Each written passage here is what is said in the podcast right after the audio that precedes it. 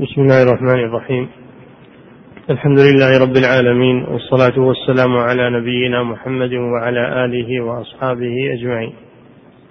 أما بعد قال المؤلف رحمه الله تعالى فصل وقطاع الطريق أنواع. بسم الله الرحمن الرحيم.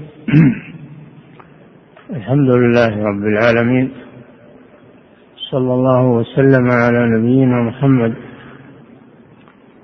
وعلى آله وأصحابه أجمعين. لما انتهى المؤلف رحمه الله من بيان حد السرقة انتقل إلى بيان حد قطاع الطريق. وقطع الطريق نوع من السرقة ويسمونها السرقة الكبرى. وقطاع الطريق هم الذين يعرضون للناس في الصحراء أو البنيان فيغصبونهم المال مجاهرة. يغصبونهم المال على سبيل المجاهرة وتهديد السلاح.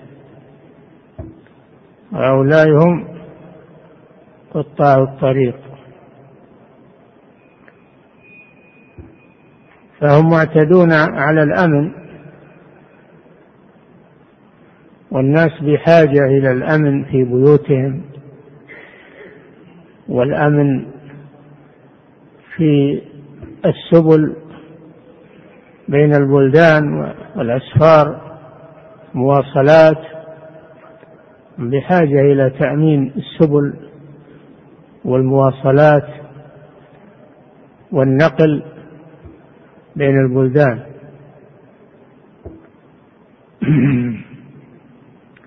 فالذين يحاولون قطع الطريق بين البلدان. هؤلاء الله جل وعلا حكم عليهم بحد رادع. فقال جل وعلا إنما جزاء الذين يحاربون الله ورسوله ويسعون في الأرض فسادا أن يقتلوا أو يصلبوا أو تقطع أيديهم وأرجلهم من خلاف أو ينفوا من الأرض. ذلك لهم خزي في الدنيا ولهم في الآخرة عذاب عظيم. إلا الذين تابوا من قبل أن تقدروا عليهم فاعلموا أن الله غفور رحيم. يحاربون الله ورسوله وهم قطاع الطرق ويسمون بالمحاربين والمفسدين في الأرض يسعون في الأرض فسادا فهم يحاربون الله ورسوله ويسعون في الأرض فسادا لأن صلاح الأرض بالأمن والاستقرار. وطاعه الله ورسوله. وإقامة الحدود. لهذا تصلح الأرض. الذي يحاول أن يخل بذلك فإنه مفسد في الأرض. ومحارب لله ورسوله. وقاطع طريق.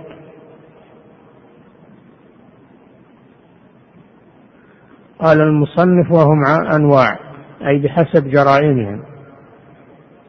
قطاع الطريق على أنواع بحسب جرائمهم. كل نوع له حد يقام عليه. كما جاء في الآية الكريمة. نعم. وقطاع الطريق أنواع فمن منهم قتل مكافئا أو غيره كولد وأخذ المال قتل ثم صلب مكافئ حتى يشتهر. نعم. النوع الأول الذين يأخذون المال ويقتلون الأنفس. جمعوا بين جريمتين أخذ المال وقتل النفوس. هؤلاء حكمهم أنهم يقتلون ويصلبون على الخشب حتى يشتهروا ويرتدع غيرهم. أن يقتلوا أو يصلبوا. إذا قتلوا وأخذوا المال هذا حكمهم. يقتلون حتما ولا يدخله عفو. يقتلون حتما. لأن هذا حق لله سبحانه وتعالى. حد من حدوده. فلا بد من ينفذ ولا يدخله عفو ولا وساطات ولا شيء. هذا معنى قوله قتلوا حتما.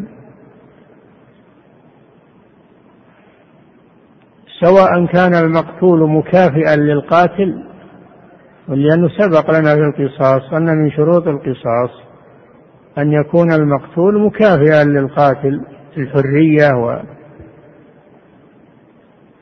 والإسلام وهنا لا تشترط المكافأة بين المقتول والقاتل. فلو قتل ولده سبق لنا أن الوالد لا يقتل بولده لكن إذا كان القتل في قطع الطريق فلا ينظر لكون القاتل والدا للمقتول بل يقتل حتما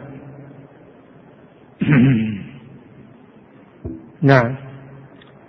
فمن منهم قتل مكافئا أو غيره كولد. مكافئا له في الشروط شروط القصاص. نعم. مكافئا أي مساويا مكافئا أي مساويا له في الشروط. نعم. أو غيره كولد. أو غير مكافي كالولد. الولد غير مكافي فالوالد لا يقتل بولده. كما في الحديث. من السنة أن لا يقتل والد بولده. نعم. وأخذ المال قتل ثم صلب مكافئ حتى يشتهر. لكن إذا كان القتيل مكافئا يصلب. القاتل يصلب القاتل. هذا معناه. والصلب هو أن أن يؤسر على خشبة ويرفع حتى يراه الناس مدة كافية للشهرة والاشتهار. ثم إذا مضت المدة وحصل التشهير ينزل من الخشبة ويغسل ويكفن ويصلى عليه لأنه مسلم ويدفن في مقابر المسلمين. لأنه مسلم أقيم عليه الحد. نعم. ومن قتل فقط قتل حتما. هذا النوع الثاني. إذا قتل قاطع الطريق قتل النفس ولم يأخذ المال فإنه يقتل حتما أيضا ولكنه لا يصلب يقتل ويدفن ولا يصلب لأنه أخف جريمة من الذي قبله. نعم. ومن قتل فقط قتل حتما ولا صلب. نعم لقوله أو يصلب. هذا إذا قتل فقط ولم يأخذ المال. نعم. ومن أخذ المال فقط. ومن أخذ المال فقط قطعت يده اليمنى. ومن هذا النوع الثالث؟ من أخذ المال اغتصابا تحت وطأة السلاح ولم يقتل أحدا. فهذا تقطع يده اليمنى كما في السرقة من مفصل الكف وتقطع رجله اليسرى من خلاف. أو تقطع أيديهم وأرجلهم من خلاف أي تقطع اليد اليمنى والرجل اليسرى. تقطع اليمنى من مفصل الكف ويترك له الذراع. وتقطع الرجل اليسرى من معقد الشراك. معقد الشراك المفصل الذي يجمع بين القدم والعقب. وتترك عقبه يمشي عليها. نعم. ومن أخذ المال فقط. هذه المرتبة الثالثة. من أخذ ال... نعم. ومن أخذ المال فقط قطعت يده اليمنى ثم رجله اليسرى في مقام واحد. في مقام واحد. أنكى. ولا يقال تقطع يده اليوم. ورجله غدا أو بعد غد لا بد أن يتم القطع للطرفين في مكان واحد وفي وقت واحد. ثم تحسمان بما يوقف الدم ويبس العروق ويترك. نعم. في مقام واحد وحسمة وخلي. خلي سبيله لأنه أقيم عليه الحد الرادع. نعم. وإن أخاف السبيل فقط. هذا النوع الرابع. إذا ما قتل ولا أخذ المال وإنما أخاف السبيل وروع الناس ترصد للناس في الطرقات ليخيفهم وليعرقل السير فهذا يطرد من من البلاد. يطرد من البلاد إلى بلاد أخرى أو ينفوا من الأرض. فلا يتركون يأوون إلى بلد من بلدان المملكة حتى يتوبوا ويتركوا جريمتهم. نعم. وإن أخاف السبيل فقط نفي وشرد. نفي وشرد. شرد تفسير لنفي. أنه يشرد من من البلد بعموم بعموم مدنه وقراه. وحتى من الصحراء ومن البر لا يترك في البلد بل يخرج خارج الحدود. نعم. وشرط ثبوت ذلك ببينة آه بماذا تثبت أو بماذا يثبت حد الحرابة مثل ما سبق مثل حد السرقة يثبت بالبينة أن يعني يشهد عليه شاهدان عدلان أنه يقوم بقطع الطريق أو بإقراره هو مرتين. نعم. أما مجرد التهمة بدون ثبوت فهذا لا يقام عليه حد إنما يعزر لأجل التهمة. نعم. وشرط ثبوت ذلك ببينة أو إقرار مرتين. نعم. وحرز. وأن يأخذ المال من الحرز أي من القافلة. فإن وجد المال ملقا على الأرض وليس عنده أحد فأخذه أي أنه لا حد عليه ولكن يغرم المال ويعزى. أما إذا أخذ المال من صاحبه قهرا أو من القافلة من بين القافلة هذا أخذ المال من الحرز نعم. ونصاب. ويشترط أن يكون ما أخذه من المال يبلغ النصاب نصاب السرقة كما سبق. ربع دينار أو ثلاثة دراهم فأكثر. نعم. ومن تاب منهم قبل القدرة عليه سقط. من تاب منهم أي رجع إلى الله وندم فإن كان هذا قبل أن يلقى القبض عليه فإنه يترك. أما إذا لم يتب إلا بعد إلقاء القبض عليه فإنه لا يترك. ولا يسقط عنه الحد لأنه متهم في توبته. قوله تعالى من قبل إلا الذين تابوا من قبل أن تقدروا عليهم. مفهومه أنه إذا تاب بعد أن قدر عليه وألقي القول عليه أنه لا يترك. لكن إن كانت توبته صادقة فيما بينه وبين الله الله لا يعذبه. أما الحد فلا يسقط عنه يقام عليه في الدنيا. نعم. ومن تاب منهم قبل القدرة عليه سقط عنه حق الله تعالى وأخذ بحق آدم.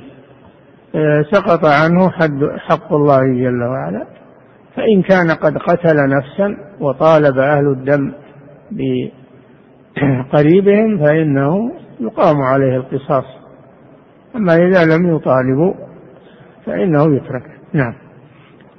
ومن وجب عليه حد لله فتاب قبل ثبوته سقط. من وجب عليه حد لله من سائر الحدود كحد السرقة وحد الزنا وحد المسكر إذا تاب قبل إلقاء القبض عليه فإنه يترك. أما إذا لم يتب إلا بعد إلقاء القبض عليه فهو كقاطع الطريق لا يسقط عنه الحد. نعم. ومن أريد ماله هذا دفع الصائل هذا دفع الصائل إذا صال أحد على صاحب بيت أو صاحب متجر أو صاحب دكان يريد أخذ ماله أو يريد الإفساد بمحارمه. فإنه يدفعه بأسهل ما يمكن. إن اندفع بالكلام والزجر يكتفي بهذا. وإن لم يندفع إلا بالضرب فإنه يضربه بقدر ما يدفعه ويبعده. وإن لم يندفع إلا بالقتل فإنه يقتل وهدر يكون هدرا.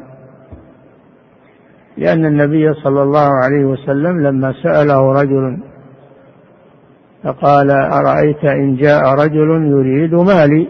قال لا تعطه مالك. قال فإن قاتلك فإن قاتلني؟ قال فقاتله.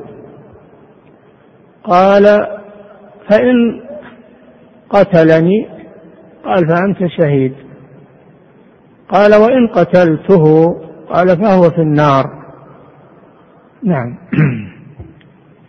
ومن أريد ماله أو نفسه أو حرمته ولم يندفع المريد. يريد ماله أو نفسه يريد, يريد أن يقتله. صار عليه يريد قتله. نعم. أو يريد الفجور بمحارمه. نعم. وحتى الدفع عن أخيك المسلم. لو صال أحد على أخيك المسلم أو على حرمته أو على ماله فإنك تدافع عنه كما تدافع عن نفسك. نعم.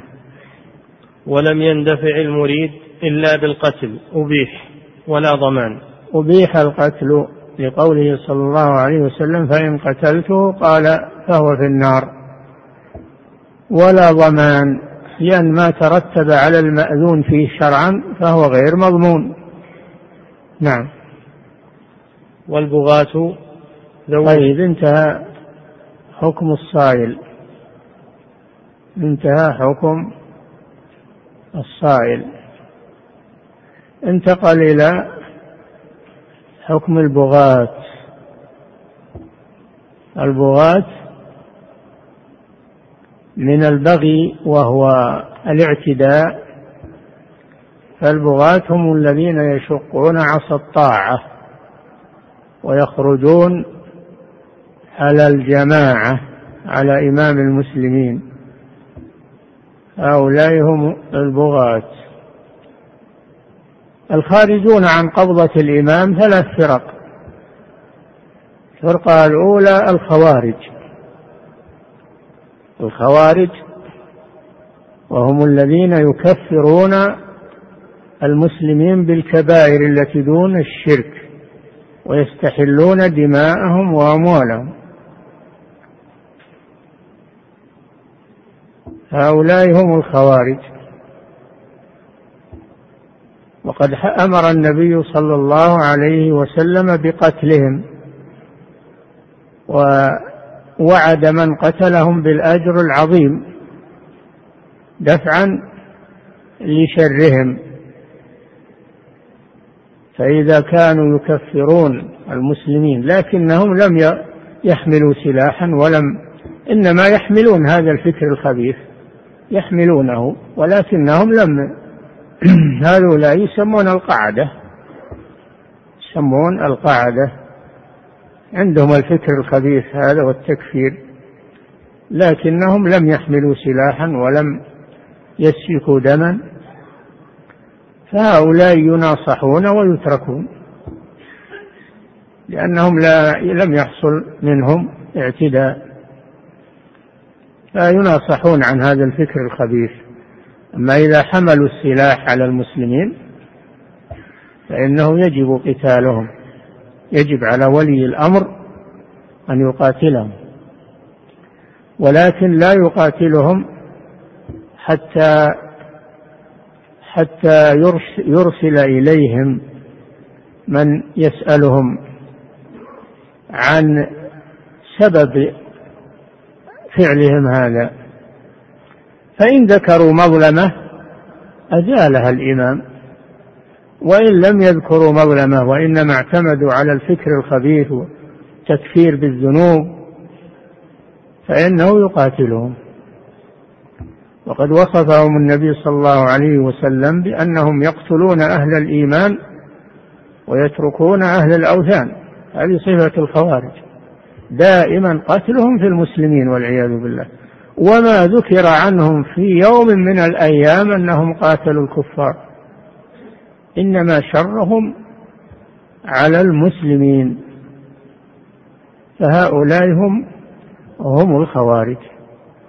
وقد أرسل علي رضي الله عنه إليهم لما اجتمعوا في حرورة خرجوا عليه. أرسل إليهم ابن عمه عبد الله بن عباس رضي الله عنه حبر الأمة فناظرهم ناظرهم ورجع منهم أربعة آلاف. والبقية صروا. فقاتلهم علي رضي الله عنه في النهروان.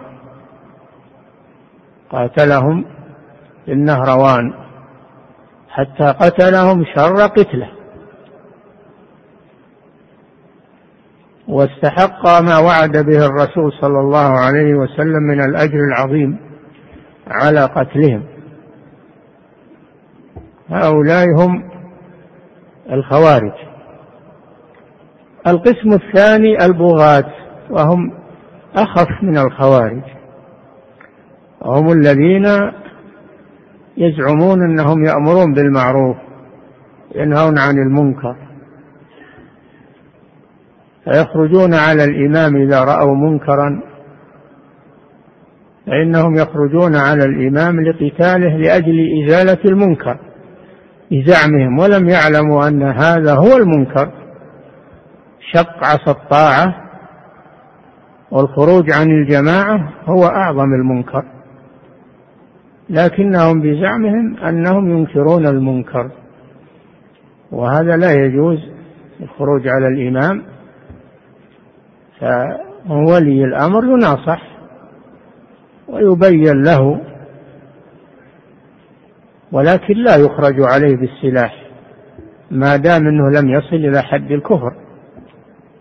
الرسول صلى الله عليه وسلم لما ذكر ما يكون من الولاة من بعده من التضييع والتفريط قالوا ألا نقاتلهم يا رسول الله؟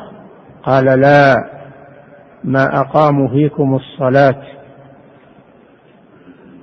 فلا, يقاتل فلا يجوز الخروج على الإمام بحجة أن هناك منكرات أو أن الإمام عنده فسوق أو معاصي لا يخرج عليه لأنه يترتب على هذا من المفاسد أعظم مما يترتب من المصلحة المزعومة الخروج عليه.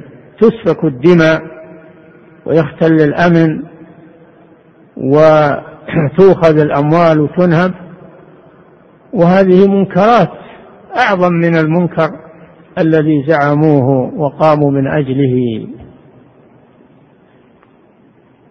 الرسول صلى الله عليه وسلم قال من رأى منكم منكرا فليغيره بيده فإن لم يستطع فبلسانه فإن لم يستطع فبقلبه. وذلك أضعف الإيمان. فلم يجعل الإزالة باليد إلا للسلطان. أو نائب السلطان. أما من ليس عنده سلطة فإنه يكتفي باللسان والبيان والموعظة والتعليم. وإذا لم يكن عنده علم ولا استطاعة في اللسان فإنه ينكر المنكر بقلبه ويعتزل أهل المنكر يبتعد عنه ويكفي هذا. لا يكلف الله نفسا إلا وسعها. وقال صلى الله عليه وسلم من أتاكم وأمركم جميع على واحد على واحد منكم أي ولي أمر يريد أن يشق عصا الطاعة فاقتلوه كائنا من كان. حماية للأمن حماية للجماعة. هؤلاء هم المعتزلة. يزعمون أنهم يأمرون بالمعروف وينهون عن المنكر وهم يرتكبون منكرات أعظم. بفعلهم هذا يفرقون الجماعة ويشقون عصا الطاعة ويسفكون الدماء ويخلون بالأمن وقد تضيع الولاية بسببهم. هذه مفاسد. ما هو هكذا الأمر بالمعروف النهي عن المنكر؟ وإنكار المنكر إن كان يترتب عليه منكر أشد إنه لا يجوز. إذا كان إنكار المنكر يترتب عليه منكر أشد فإنه لا يجوز حرام. وهذا هو الذي وقع فيه البغاة. يترتب على إنكارهم منكر أشد من الذي أنكروه فهم أهل ضلال والله جل وعلا قال وإن طائفتان من المؤمنين اقتتلوا فأصلحوا بينهما فإن بغت إحداهما على الأخرى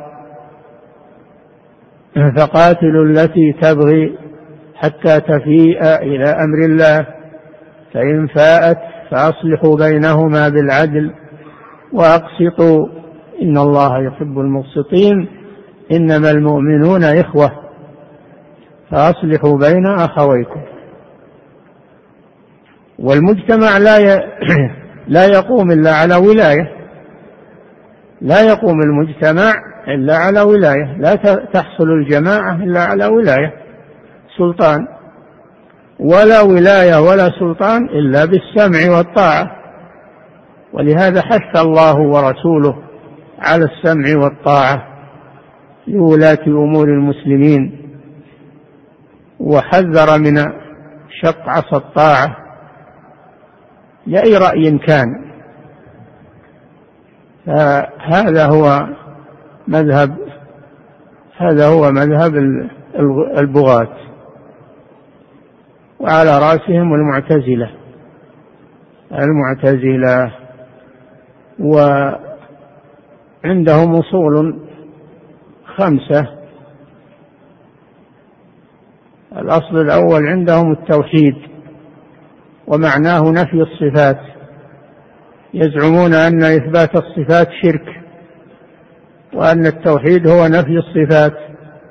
هذا هو التوحيد عند المعتزلة. الثاني العدل. الثاني العدل. والعدل عندهم معناه نفي القضاء والقدر. ينفون القضاء والقدر يقولون هذا عدل. والله لم لم يقدر الكفر ولم يقدر المعصية وإنما العبد هو الذي فعلها ابتداء دون أن تقدر عليه. والأمر أنف لم يسبق أنه مقدر. هذا عندهم العدل نفي القضاء والقدر. والأمر بالمعروف هذا الثالث. الأمر بالمعروف والنهي عن المنكر ويريدون به الخروج على الإمام. بحجة الأمر بالمعروف والنهي عن المنكر. والأصل الرابع عندهم المنزلة بين المنزلتين. فيقولون أن مرتكب الكبيرة يخرج من الإيمان لكنه لا يدخل في الكفر خلافا للخوارج. فيبقى في منزلة بين المنزلتين بين الكفر والإيمان. فإن مات ولم يتب فإنه على رأي الخوارج مخلد في النار عندهم. وهذه المرتبة الخامسة أو الأصل الخامس عندهم وهو إنفاذ الوعيد. إنفاذ الوعيد. وأنه لا عفو عن مرتكب الكبيرة خلافا لقوله تعالى إن الله لا يغفر أن يشرك به. ويغفر ما دون ذلك لمن يشاء. فهم يقولون لا إذا مات على الكبيرة فلا عفو ويخلد في النار إنفاذ الوعيد. نسأل الله العافية. هذا هو الضلال. هذه الأصول استبدلوها بالأصول الستة التي بينها الرسول صلى الله عليه وسلم أركان الإيمان أن تؤمن بالله وملائكته وكتبه ورسله. واليوم الآخر وتؤمن بالقدر خيره وشره. هذه أصول الإيمان عند أهل السنة والجماعة. نعم. والبغاة ذو شوكة. يخرجون إذا كان لهم شوكة سلاح وقوة خرجوا على الإمام وجب على الإمام أن يقاتلهم ويجب على المسلمين أن يقاتلوا مع الإمام.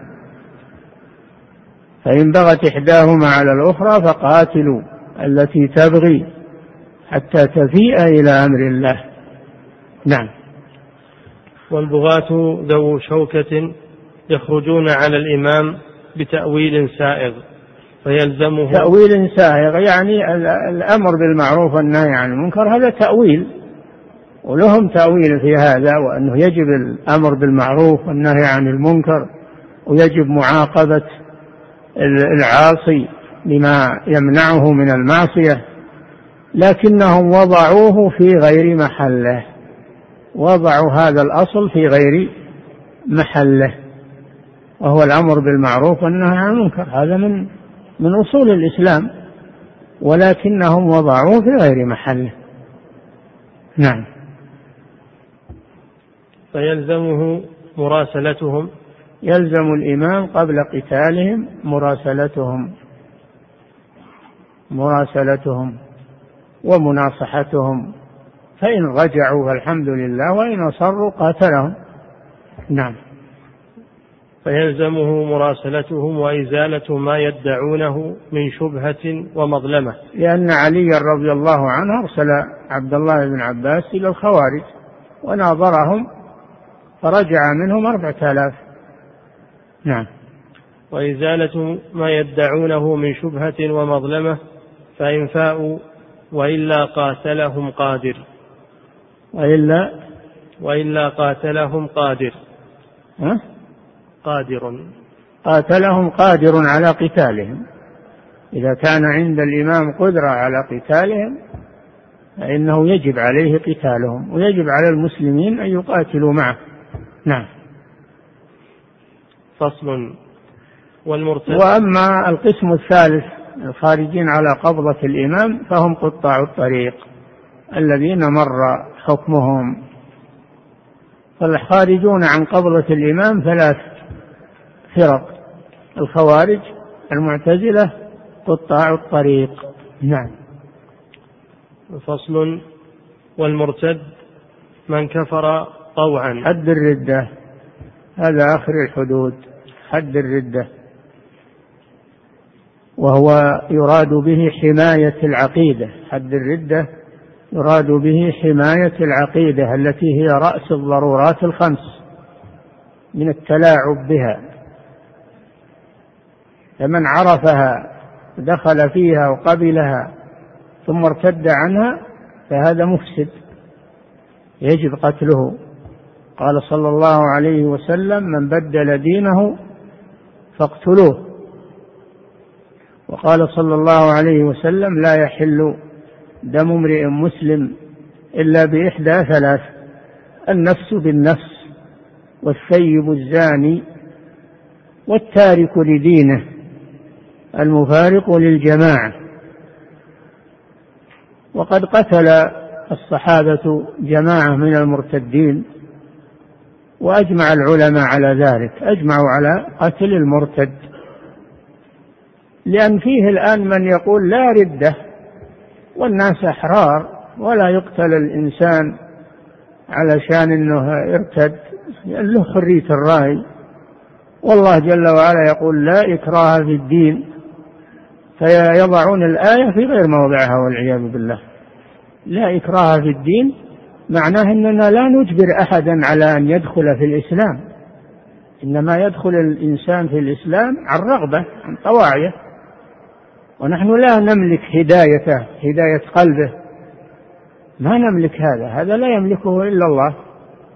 ولا نكرهه على ذلك ندخله في الإسلام. حتى لو دخل مكرها ما دخل صحيح دخولا صحيحا.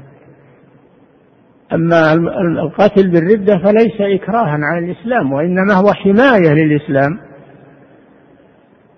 القتل على الردة ليس إكراها على الإسلام وإنما هو حماية للإسلام من التلاعب لأنه عرفه واقتنع به ثم ارتد. فيصبح قدوة لغيره. فهو تركه عن معرفة وعن اقتناع. فلا فليس له عذر فيقتل لأجل حماية الشريعة حماية الدين من التلاعب بذلك. كما قال جماعة من اليهود وقالت طائفة من أهل الكتاب آمنوا بالذي أنزل على الذين آمنوا وجه النهار واكفروا آخره لعلهم يرجعون. يعني يتبعكم ناس من المسلمين. التلاعب هذا ممنوع في الدين. هذا ممنوع في الدين. فالذي يدخل في الإسلام عن اقتناع وعن معرفة ثم يرتد عنه هذا لا يقر على ذلك. بل يحمى الدين منه. نعم ومن إفساده. نعم. والمرتد من كفر طوعا ولو من كفر طوعا. أما من أكره أما من أكره على كلمة الكفر فهذا لا يؤاخذ ولا ولا يرتد. قوله سبحانه من كفر بالله من بعد إيمانه إلا من أكره وقلبه مطمئن بالإيمان ولكن من شرح بالكفر صدرا فعليهم غضب من الله ولهم عذاب عظيم. ذلك بأنهم استحبوا الكفر على الإيمان. نعم. والمرتد من كفر طوعا ولو مميزا بعد إسلام. ولو مميزا يعني ما بعد بلغ لكنه مميز عنده عقل يعرف الصحيح من الفاسد و وكلمة لو تشير إلى الخلاف. لأن القول الثاني أنه ما يجب حد الردة إلا على البالغ ولعل هذا هو الصحيح. نعم. والمرتد من كفر طوعا ولو مميزا بعد إسلامه. بعد إسلامه. شوف بعد إسلامه. أما لو كان من الأصل ما دخل في الإسلام نحن لا نجبره. ندعوه إلى الله ونبين له. فإن قبل ودخل عن اقتناع فالحمد لله. وإلا أقمنا عليه الحجة. فإن كان له شوكة وله آه، أتباع يقاتلون المسلمين وجب جهادهم كفا لشرهم. أما إن كان شره قاصر عليه ولا يصد عن الإسلام ولا يدعو إلى الكفر لا يدعو إلى الكفر ولا يصد عن الإسلام فهذا يترك. نعم. هو وما اختار لنفسه. نعم. فمتى؟ ولا يقاتل المسلمين يعني لا بد من إنه ما يقاتل المسلمين ولا بد أنه ما يصد من يريد الدخول في الإسلام ولا بد أنه ما يدعو إلى الكفر. إذا كان ما يفعل شيء من هذه الأمور هذا يترك على ما هو عليه وأمره إلى الله. لأن المسلمين سلموا من شره والإسلام سلم من شره وكفره عليه. نعم. فمتى ادعى النبوة أو أو سب الله؟ آه الردة هي الرجوع عن الإسلام. الردة في اللغة هي الرجوع مطلقا عن أي شيء. وأما المراد بالردة في الإسلام فهي الرجوع عن دين الإسلام إلى دين الكفر. وبماذا يرجع؟ متى يرجع؟ إذا ارتكب ناقضا من نواقض الإسلام. نوعا من أنواع الردة مختارا عالما بذلك فإنه يقتل لكن يستتاب قبل أن يقتل يستتاب كما يأتي. نعم. فمتى ادعى النبوة؟ هذا واحد من النواقض. إذا ادعى النبوة أو صدق من يدعيها فإنه يرتد لأنه لا نبي بعد محمد صلى الله عليه وسلم. قال الله جل وعلا ما كان محمد أبا أحد من رجالكم ولكن رسول الله وخاتم النبيين. خاتم. وقال صلى الله عليه وسلم أنا خاتم النبيين لا نبي بعدي. وأخبر أنه سيظهر من بعده كذابون ثلاثون كل يدعي أنه نبي. قال وأنا خاتم النبيين لا نبي بعده. فالذي يدعي النبوة بعد الرسول صلى الله عليه وسلم أو يصدق من يدعيها فهو مرتد عن دين الإسلام. يستتاب فإن تاب وإلا قتل. نعم. أو سب الله. هذا النوع الثاني من أكبر النواقض أن يسب الله أو يسب الرسول. أو يسب دين الإسلام فإنه يرتد عن دينه والعياذ بالله. وساب الله أو ساب الرسول لا يقبل منه توبة بل يقتل حدا ولا تقبل منه توبة. نعم. أو سب الله أو رسوله أو جحده أو صفته. أو جحده أي جحد الربوبية وأنكر أن يكون هناك رب. وقال هي الطبيعة فهذا ملحد هذا من الملحدين والعياذ بالله فيجب قتله. نعم. أو جحده أو صفة من صفاته. أو جحد الرب أو جحد صفة من صفات الله عز وجل الثابتة بالكتاب والسنة. جحده وقال أبدا ما في صفة هذه الصفة غير صحيحة. هذا يرتد. أما لو أقر بها ولكنه أولها مثل ما تأولت الفرق الضالة تأويل أول الصفات فهذا لا يرتد. لكن إذا جحدها جحودا وقال ما فيه صفة بهذا المعنى. نعم. أو جحده أو صفة من صفاته أو كتابا. أو جحد كتابا من كتب الله. المنزلة. الله جل وعلا حكم على أن من كفر بكتاب واحد فهو كافر بالجميع. أفتؤمنون ببعض الكتاب؟ تكفرون ببعض؟ فما جزاء من يفعل ذلك منكم إلا خزي في الحياة الدنيا ويوم القيامة يردون إلى أشد العذاب. وما الله بغافل عما تعملون. فلا بد من الإيمان بجميع الكتب المنزلة وهذا من أصول الإيمان. هذا من أصول الإيمان. ومن أركان الإيمان ما عرف ما عرفنا اسمه وما لم نعرف اسمه. نؤمن بها جملة. ما عرفنا اسمه نؤمن به باسمه مثل التوراة والإنجيل والزبور. صحف إبراهيم وموسى نؤمن بها لأن الله ذكرها باسمها. أما ما لم يبين, يبين يذكر اسمه فنؤمن به جملة. نؤمن به جملة. وأما القرآن العظيم فإنه يؤمر به يؤمن به تفصيلا. نؤمن به تفصيلا ونعمل به. نعم. أو كتابا أو رسولا. أو جحد رسولا من الرسل. يجب الإيمان بجميع الرسل. فمن كفر بواحد منهم فهو كافر بالجميع. إن الذين يكفرون بالله ورسله ويريدون أن يفرقوا بين الله ورسله ويقولون نؤمن ببعض ونكفر ببعض ويريدون أن يتخذوا بين ذلك سبيلا أولئك هم الكافرون حقا وأعتدنا للكافرين عذابا مهينا. فيجب الإيمان بجميع الرسل من أولهم إلى آخرهم. من سمى الله منهم ومن لم يسمي نؤمن بهم جميعا. عليهم الصلاة والسلام. نعم. أو رسولا أو ملكا.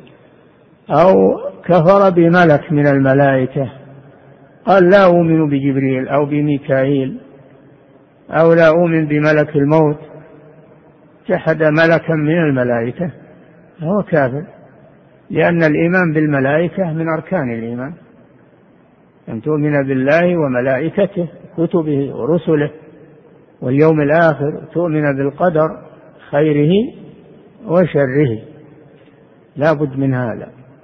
تؤمن بجميع الملائكة وبجميع الرسل ولكن البر من آمن بالله واليوم الآخر والملائكة والكتاب أي جميع الكتب والنبيين أي جميع النبيين عليهم الصلاة والسلام. نعم. أو إحدى العبادات الخمس. أو أنكر إحدى العبادات الخمس المذكورة في حديث جبريل. لما سأله عن الإسلام قال الإسلام أن تشهد أن لا إله إلا الله وأن محمدا رسول الله وتقيم الصلاة وتؤتي الزكاة وتصوم رمضان تحج البيت إن استطعت إليه سبيلا. فمن أنكر واحدة من هذه العبادات الخمس التي هي أركان الإسلام فإنه كافر مرتد عن دين الإسلام. لو قال الحج ما هو واجب أو قال الزكاة ما هي واجبة. من أراد يتصدق ويفعل خير ولا؟ ولا الزكاة ما هي واجبة. هذا كافر. كافر بالله عز وجل. نعم. أو حكما ظاهرا مجمعا عليه. أو أنكر حكما ظاهرا. أما الأمور الخفية التي لا يعلمها إلا أهل العلم هذه يعذر بالجهل بها. لكنه أنكر حكما ظاهرا كتحريم الزنا تحريم الخمر. وجوب الصلوات الخمس فهذا إذا أنكر آه، حكما ظاهرا مجمعا عليه فإنه يكون كافرا. نعم. أو حكما ظاهرا مجمعا عليه كفر. نعم. فيستتاب ثلاثة أيام. إذا كذلك بقية النواقض. فإذا تقرر عليه الكفر والردة فإنه يستتاب ثلاثة أيام. تعرض عليه التوبة فإن تاب وإلا قتل مرتدا. نعم. فيستتاب ثلاثة أيام فإن لم يتب قتل. نعم. ولا تقبل ظاهرا ممن سب الله أو هناك مرتدون لا يستتابون بل يقتلون حتما. من سب الله أو سب الرسول صلى الله عليه وسلم. فهذا لا يستتاب يقتل حتما. نعم. ولا تقبل ظاهرا ممن سب الله أو رسوله. ظاهرا يعني ما يسقط عنه الحد والقتل. أما باطنا فيما بينه وبين الله نحن لا نتدخل في هذا أمره إلى الله. نعم. ولا تقبل ظاهرا ممن سب الله أو رسوله. أو تكررت ردته. أو تكررت ردته. تاب ثم رجع ثم تاب ثم رجع. هذا ما تقبل منه التوبة. لا تقبل منهم إن الذين آمنوا ثم كفروا ثم آمنوا ثم ازدادوا كفرا. فلن ي... نعم. نعم. لم يكن الله ليغفر لهم ولا ليهديهم سبيلا. لم يكن الله ليغفر لهم إذا تكررت منهم الردة. فلا تقبل توبته. نعم. أو تكررت ردته ولا من منافق وساحر. وكذلك لا تقبل توبة يعني الظاهر في الظاهر توبة المنافق وهو الزنديق الذي يظهر الإيمان ويبطن الكفر. فهذا إذا ظهر منه إذا ظهر منه ما يخالف الإسلام يقتل لأنه لا يصدق وإن أظهر التوبة فلا فهو لا يصدق في الباطن. وكذلك الساحر الساحر لا تقبل منه توبة بل يقتل حتما لإفساده في الأرض. نعم. وتجب التوبة من كل ذنب وهي أعد أعد. ولا تقبل ولا تقبل ظاهرا ممن سب الله أو رسوله. نعم. أو تكررت ردته. نعم. ولا أو تكررت ردته ولا من منافق وساحر. ولا تقبل توبة منافق وهو الذي يظهر الإسلام ويبطن الكفر. فإذا ظهر منه ما يقتضي انتقاض ويكذب إظهاره للإسلام فإنه يقتل لئلا يفسد بقية الناس. ويصبح داعية سوء يجب بتره. وكذلك الساحر لأن الساحر مفسد في الأرض. إن الله لا ما جئتم به السحر إن الله لا يصلح آه، إن الله لا يصلح عمل المفسدين. فالساحر مفسد في الأرض ولا يفلح الساحر حيث أتى. فيجب قتله وإراحة المجتمع من شره. نعم. وتجب التوبة من كل ذنب. يجب على المسلم التوبة من كل ذنب. والله يقبل التوبة إذا توفرت شروطها. من كل ذنب من الكفر ومن الشرك ومن قتل النفوس وغير ذلك. قال الله جل وعلا قل للذين كفروا ينتهوا يغفر لهم ما قد سلف. لقد كفر الذين قالوا إن الله هو المسيح ابن مريم. قد كفر الذين قالوا إن الله ثالث ثلاثة ثم قال بعد ذلك أفلا يتوبون إلى الله ويستغفرونه؟ والله غفور رحيم. فتقبل التوبة من الكافر وتقبل التوبة من كل ذنب كبير أو صغير إذا توفرت شروطها. ومن تاب تاب الله عليه. وغفر له. نعم. وتجب التوبة من كل ذنب وهي إقلاع. حتى القاتل. القاتل عمدا عدوانا تقبل توبته وإن كان متوعدا بوعيد شديد لكن إذا تاب تاب الله عليه. دليل حديث بدليل الحديث الذي قتل تسعا وتسعين نفسا ثم سأل هل له من توبة؟ فقال له عابد من العباد ليس لك توبة. فقتله وكمل به المئة. ثم ذهب وسأل عالما من العلماء إنه قتل مئة نفس فهل له من توبة؟ قال ومن يحول بينك وبين التوبة؟ ولكنك بأرض سوء فاخرج منها إلى أرض كذا وكذا فإن فيها رجالا يعبدون الله فاعبد الله معهم. فخرج الرجل مهاجرا تاب إلى الله وخرج مهاجرا.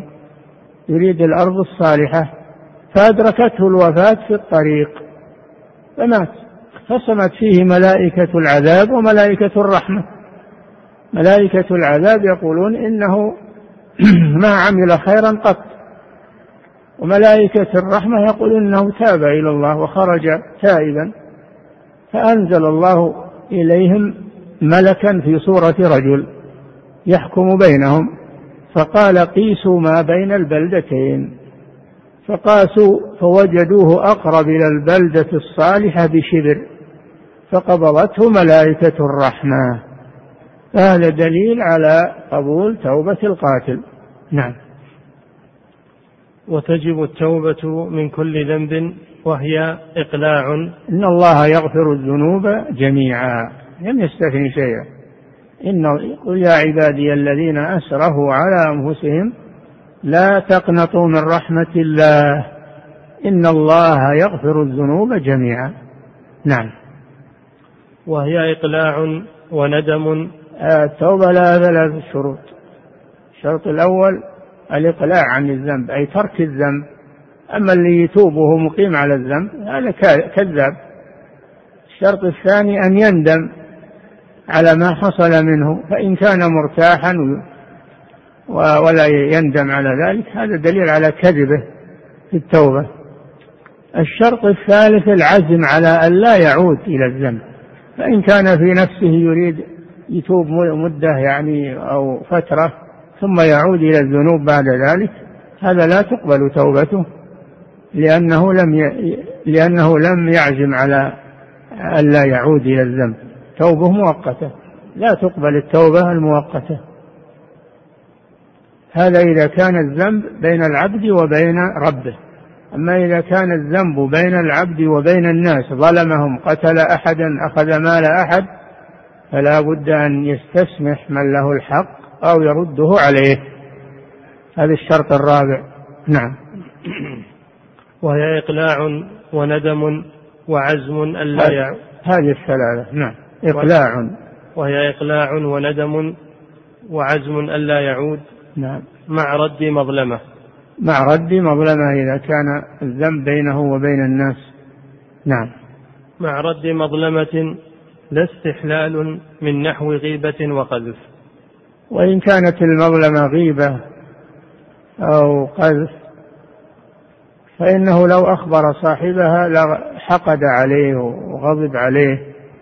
ما ماذا يعمل؟ لا يخبره لكن يدعو له ويستغفر له ويثني عليه في المجالس الذي التي اغتابه فيها. نعم. لا استحلال من نحو غيبة وقذف. نعم لأن هذا يزيد الشر شرا. فبدلا من ذلك يستغفر له ويدعو له ويثني عليه ويمدحه ليزيل ما حصل منه في حقه. نعم. فصل يكفي.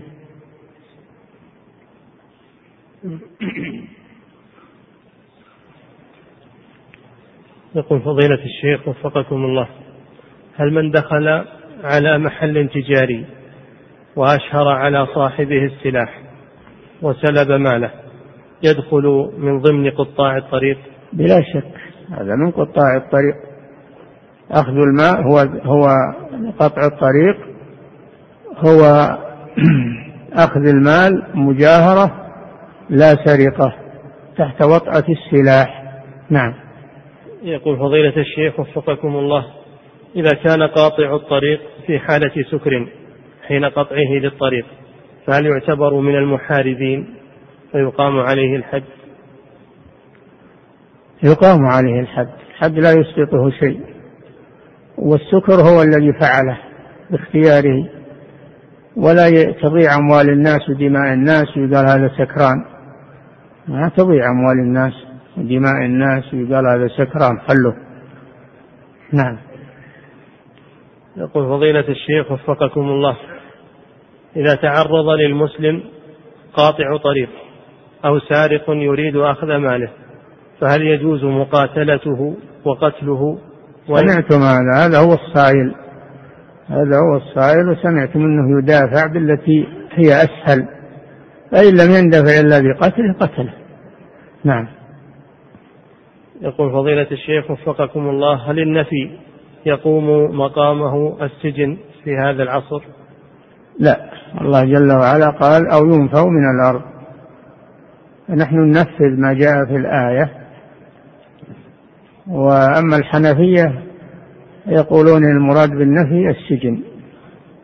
ولكن الله قال ينفوا من الأرض يعني يخرجون منها. والمسجون هذا في الأرض ما خرج منها. نعم. يقول فضيلة الشيخ وفقكم الله هل يقتل الوالد بولده ويصلب أم أنه يقتل فقط في حالة قطع الطريق؟ هذا غير مكافي أنتم أخذتم أنه يصلب المكافي أما إذا كان غير مكافي فلا يصلب نعم. يقول فضيلة الشيخ وفقكم الله نسمع ونقرأ كثيرا عن أناس يسرقون السيارات ويدخلون البيوت ويسرقون الأموال فيقبض عليهم فهل هؤلاء يسمون سراقا أم مفسدون في الأرض؟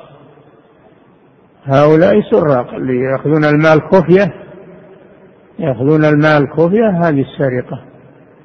قطاع الطريق ما يأخذون خفية يأخذونه مجاهرة. نعم. يقول فضيلة الشيخ وفقكم الله هل للصلب مدة محددة؟ وما حتى يشتهر يقولون حتى يشتهر ما له مدة محددة. حتى يشتهر ويتعالم الناس به. نعم. وهل يجوز صلب الرأس فقط دون الجسم؟ لا. يصلبوا. ما قال تصلب رؤوسهم؟ قال يصلبوا. نعم. يقول فضيلة الشيخ وفقكم الله من يرعب الناس ويسرق منهم داخل المدينة فهل يكون قاطع طريق؟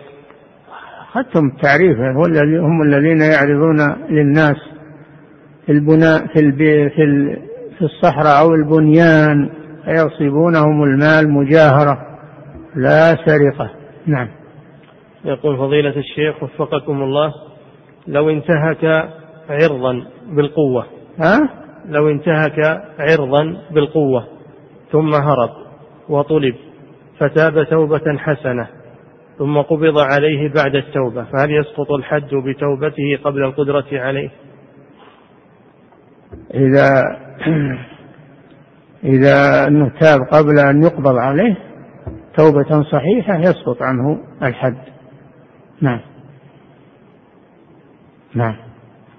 يقول فضيلة الشيخ وفقكم الله الخوارج القعدة هل يهجرون ويحذر منهم؟ نعم.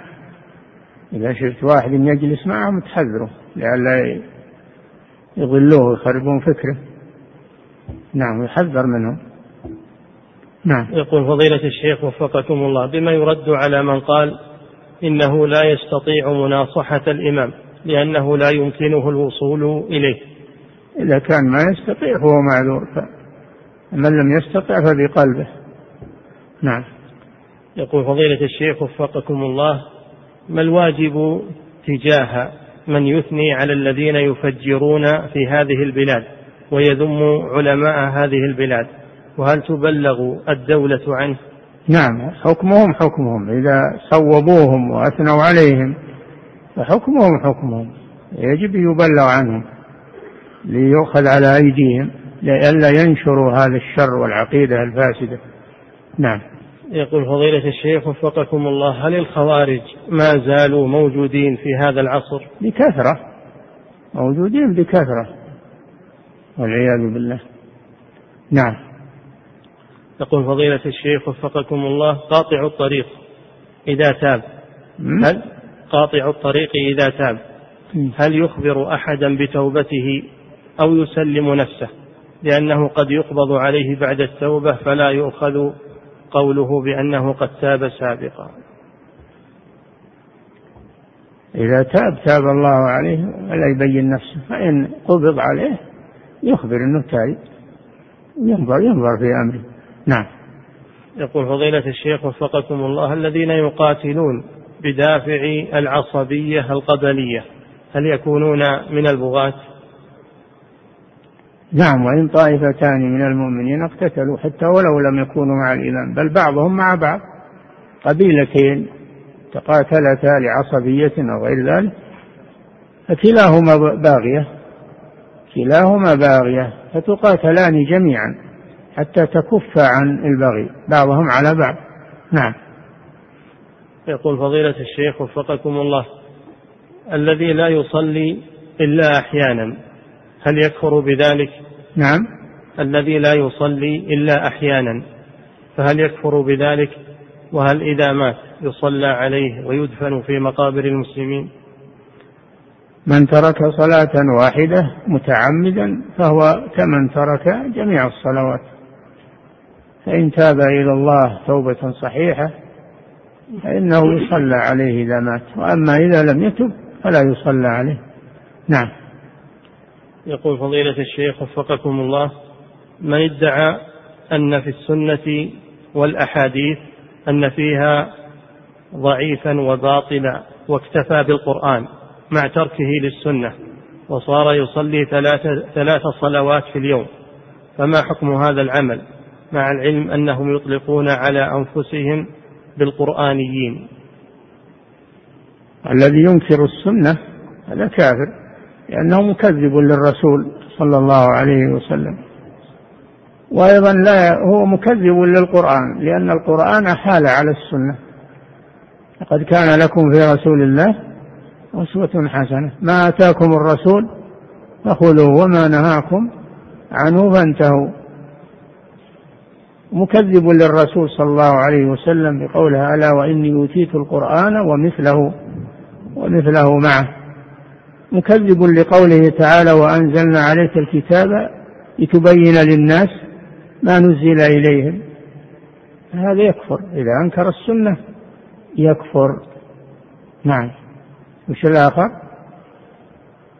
يقول وكذلك الذي ينكر بعض الصلوات الخمس ولا يصلي إلا ثلاث هذا لا شك في كفره. هذا لا شك في كفره. نعم لأنه أنكر ما علم من الدين بالضرورة وهو وجوب الصلوات الخمس في اليوم والليلة. نعم.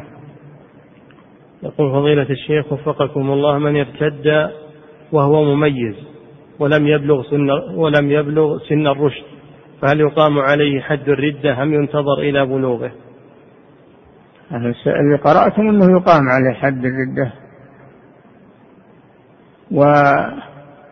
والقول الصحيح والله أعلم أنه ما يحكم عليه بالردة حتى يبلغ. فإن أصر على ما هو عليه بعد البلوغ يحكم بردته. نعم. يقول فضيلة الشيخ وفقكم الله من ادعى النبوة ثم تاب فهل يقتل وهل يستتاب قبل قتله؟ إذا تاب تاب الله عليه.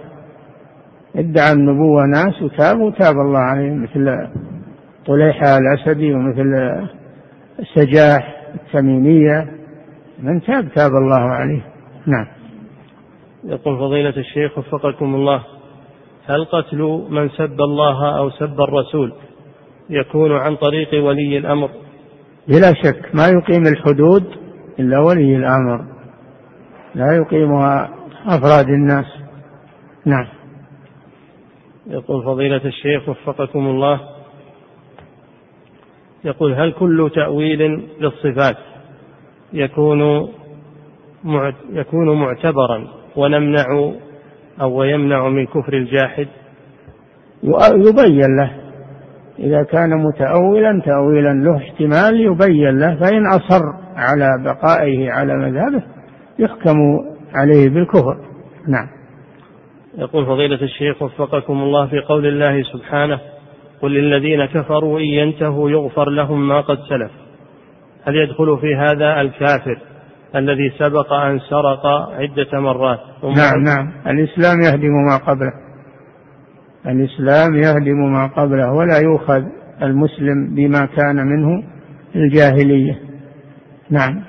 النبي صلى الله عليه وسلم قال إن دم الجاهلية موضوع وإن ربا الجاهلية موضوع. نعم. يقول فضيلة الشيخ وفقكم الله ما صحة قول القائل إن حد الردة لا يطلق عليه حد بل الحدود خمسة الزنا والقذف والخمر والسرقة والحرابة فإطلاق الحد على الردة من باب المجاز هل كلامه صحيح؟ هذا كذاب هذا كذاب ومخالف للإجماع ولا عبرة به والغالب أنه ما يقول هذا إلا جاهل يدعي المعرفة أو يدعي من المتحذلقين والمتعالمين. نعم. يقول فضيلة الشيخ وفقكم الله هل يشترط في المرتد أن يكون قد ثبت إسلامه إسلاما صحيحا ثم يرتد بعد ذلك؟ ما نروح ندور ثبوت نعمل بالظاهر. نعمل بالظاهر. إذا كان يصلي ويصوم ويمشي مع المسلمين فهو مسلم. نروح نقول ثبت إسلامك. نعم.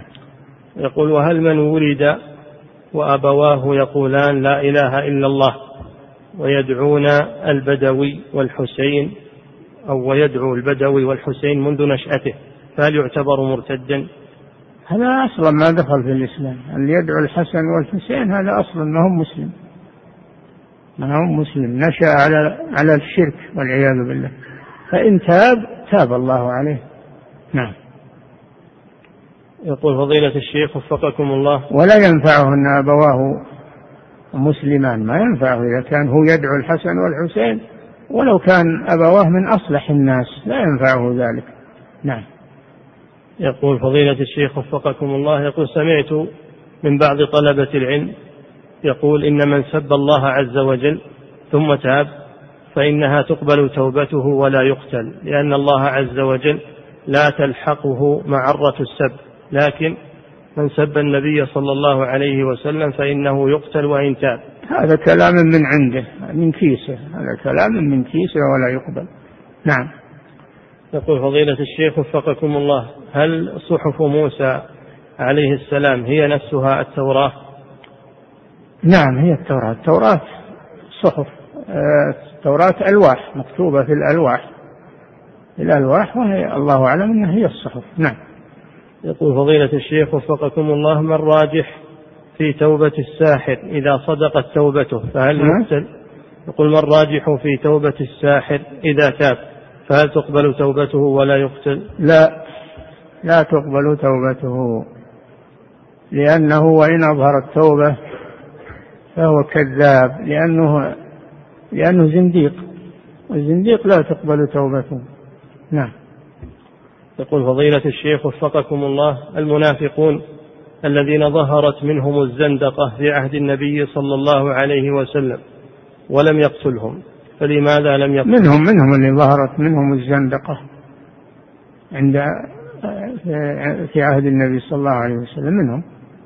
ما ظهرت ما يظهرون الزندقة. يظهرون النفاق والصلاة والصيام والحج والجهاد ما أظهروا الزندقة. كون عاد في قلوبهم كفر الله أعلم هذا إلى الله. لكن نحن نقبل الظاهر. وأما الباطن فهو إلى الله عز وجل. نعم. يقول فضيلة الشيخ وفقكم الله لو زنى شخص ثم تاب فهل له أن يأمر أحدا بأن يجلده ليطهر نفسه سرا؟ إذا تاب يستر على نفسه. إذا تاب يستر على نفسه وإن كان لابد يريد الحد لازم ينتهي للإمام. الحدود من صلاحية الإمام لا يقيمها غير الإمام. نعم.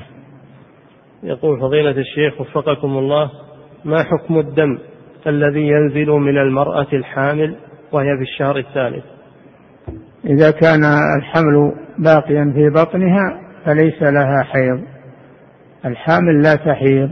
وما يخرج منها من الدم فهو دم فساد ودم نزيف. نعم. يقول فضيلة الشيخ وفقكم الله هل يجوز الأخذ من اللحية؟ وما هو الحد الجائز للأخذ؟ يعني معناه نجيزه نقول له حد. ما يجوز هذا. ما يجوز أصلا. اللحية تترك كما خلقها الله سبحانه وتعالى وهي جمال للرجل وخير للرجل. ولا شفنا واحد متأذي من لحيته ومشوهة وجهه بل هي تزيد جمال إنما اللي يشوه الوجه قص اللحية ولا حلقها هذا هو اللي يشوه الوجه. أما بقاء اللحية فهو جمال وقبول. نعم. يقول فضيلة الشيخ وفقكم الله. من جحد أو أنكر سنة معلومة في الدين بالضرورة اتباعا للهوى فهل يكفر؟ كأن ينكر سنية السواك أو ينكر ركعتي الفجر.